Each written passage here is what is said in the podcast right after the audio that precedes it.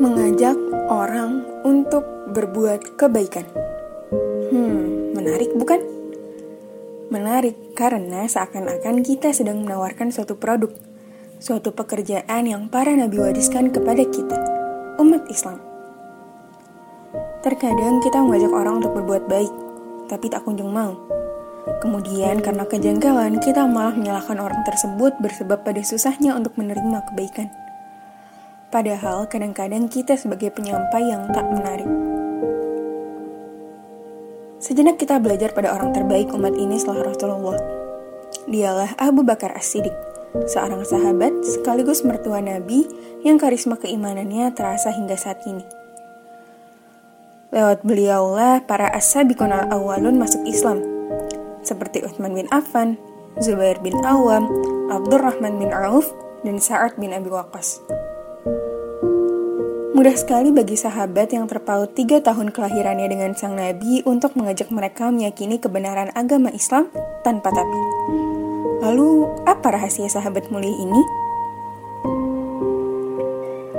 Rahasianya itu ada pada kepribadian menarik Abu Bakar, kejujuran yang tak pernah tercampur oleh kedustaan, baik saat berdagang ataupun keseharian keramahan yang menjadikan para sahabat mudah dekat dan betah duduk lama bersamanya.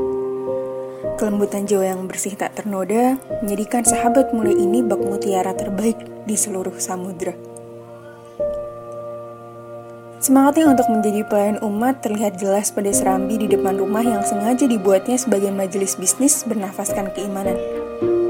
Saat orang-orang mulai berdatangan, Beliau pun menjelma bak seorang konsultan bisnis dan sekejap majelis itu serasa asyik karena diisi dengan keramahan, kelembutan, dan kebijakan tutur kata sang konsultan.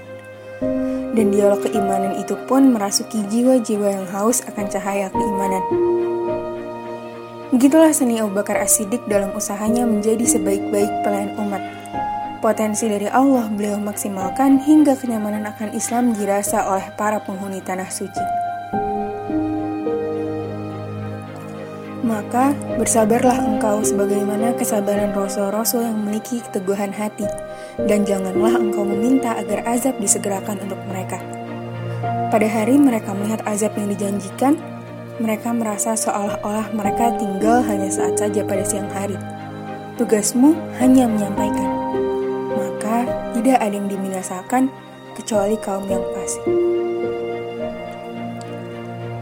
Dalam proses menjadi sebaik-baik pelayan umat ini, kita hanya perlu maksimalkan potensi dengan terus memastikan sikap dan tutur kita tak keluar dari syariat yang ada.